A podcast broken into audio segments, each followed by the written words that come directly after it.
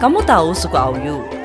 Mereka masyarakat adat yang ada di Papua yang sedang mempertahankan ruang hidup dari ancaman korporasi sawit. Sobat lingkungan, belakangan ini mungkin kamu sering melihat cerita tentang suku Auyu di unggahan-unggahan media sosial Greenpeace Indonesia.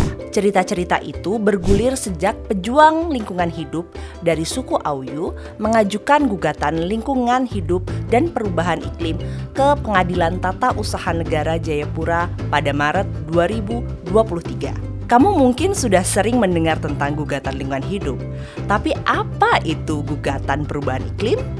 Mari berkenalan dengan litigasi perubahan iklim atau juga disebut dengan litigasi iklim.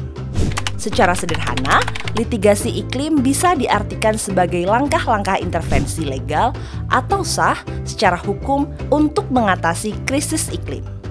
Jacqueline Pill dan Harry M. Ofoski dalam buku mereka Climate Change Litigation Regulatory Pathways to Cleaner Energy yang diterbitkan oleh Cambridge University Press menjelaskan konsep litigasi perubahan iklim seperti dalam lingkaran konsentris ini.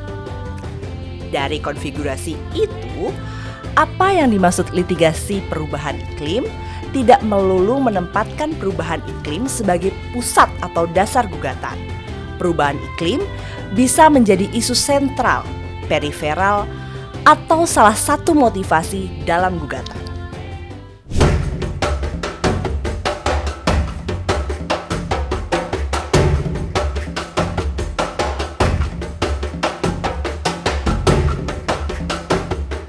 Dampak krisis iklim saat ini sudah sangat nyata.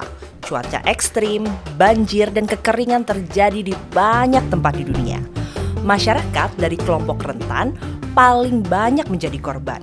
Sebaliknya, mereka yang paling berkontribusi terhadap banyaknya emisi karbon dan krisis iklim justru paling sedikit merasakan efeknya. Hmm, nggak adil bukan? Itulah mengapa kita membutuhkan keadilan iklim. Litigasi iklim bisa menjadi salah satu cara untuk memperjuangkan keadilan iklim litigasi perubahan iklim pertama kali muncul pada 1986 dan kasusnya makin banyak seiring waktu. Laporan terbaru yang dirilis dari UN Environmental Program bersama Sabin Center for Climate Change Law mencatat hingga akhir 2022 terdapat 2180 gugatan hukum terkait krisis iklim di seluruh dunia. Hampir 200 di antaranya diajukan dalam waktu 12 bulan terakhir. Menurut UNEP, litigasi iklim menjadi salah satu solusi penting dalam perjuangan kita melawan krisis iklim. Dalam litigasi iklim yang kerap menjadi tergugat adalah pemerintah dan perusahaan. Mereka adalah dua pihak yang paling berkontribusi memperparah krisis iklim dan yang sebenarnya paling punya sumber daya untuk memperbaiki keadaan. Lewat litigasi iklim, kita bisa mempertanyakan komitmen atau meminta pertanggungjawaban pemerintah dan perusahaan agar tidak membuat kebijakan atau melakukan aktivitas yang memperparah krisis iklim. Salah satu contoh litigasi perubahan iklim di Indonesia yakni gugatan Walhi yang mendesak dihentikannya rencana pembangunan PLTU Tanjung Jati 2 kali 660 MW di Cirebon, Jawa Barat. Tergugatnya adalah Kepala Dinas Penanaman Modal dan Pelayanan Terbuka Satu Pintu Provinsi Jawa Barat. Sedangkan objek gugatannya adalah izin lingkungan PLTU Tanjung Jati. Hakim PTUN Bandung pun memenangkan gugatan ini Majelis Hakim sepakat dengan argumen penggugat bahwa izin lingkungan PLTU Tanjung Jati bertentangan dengan asas tanggung jawab negara dan asas kehati-hatian dalam hukum lingkungan Indonesia. Karena justru berpotensi memperburuk perubahan iklim. Dalam pembuktian di persidangan saat itu diperoleh fakta bahwa operasi PLTU Tanjung Jati berpotensi membuang emisi 513 juta metrik ton karbon dioksida untuk masa operasi 30 tahun.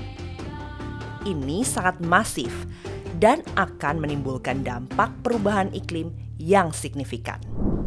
Contoh lainnya adalah gugatan iklim warga Pulau Pari, Jakarta terhadap perusahaan semen Holcim di pengadilan Swiss pada Februari 2023. Gugatan dilayangkan ke PT Holcim yang dinilai bertanggung jawab menyumbang emisi gas efek rumah kaca global.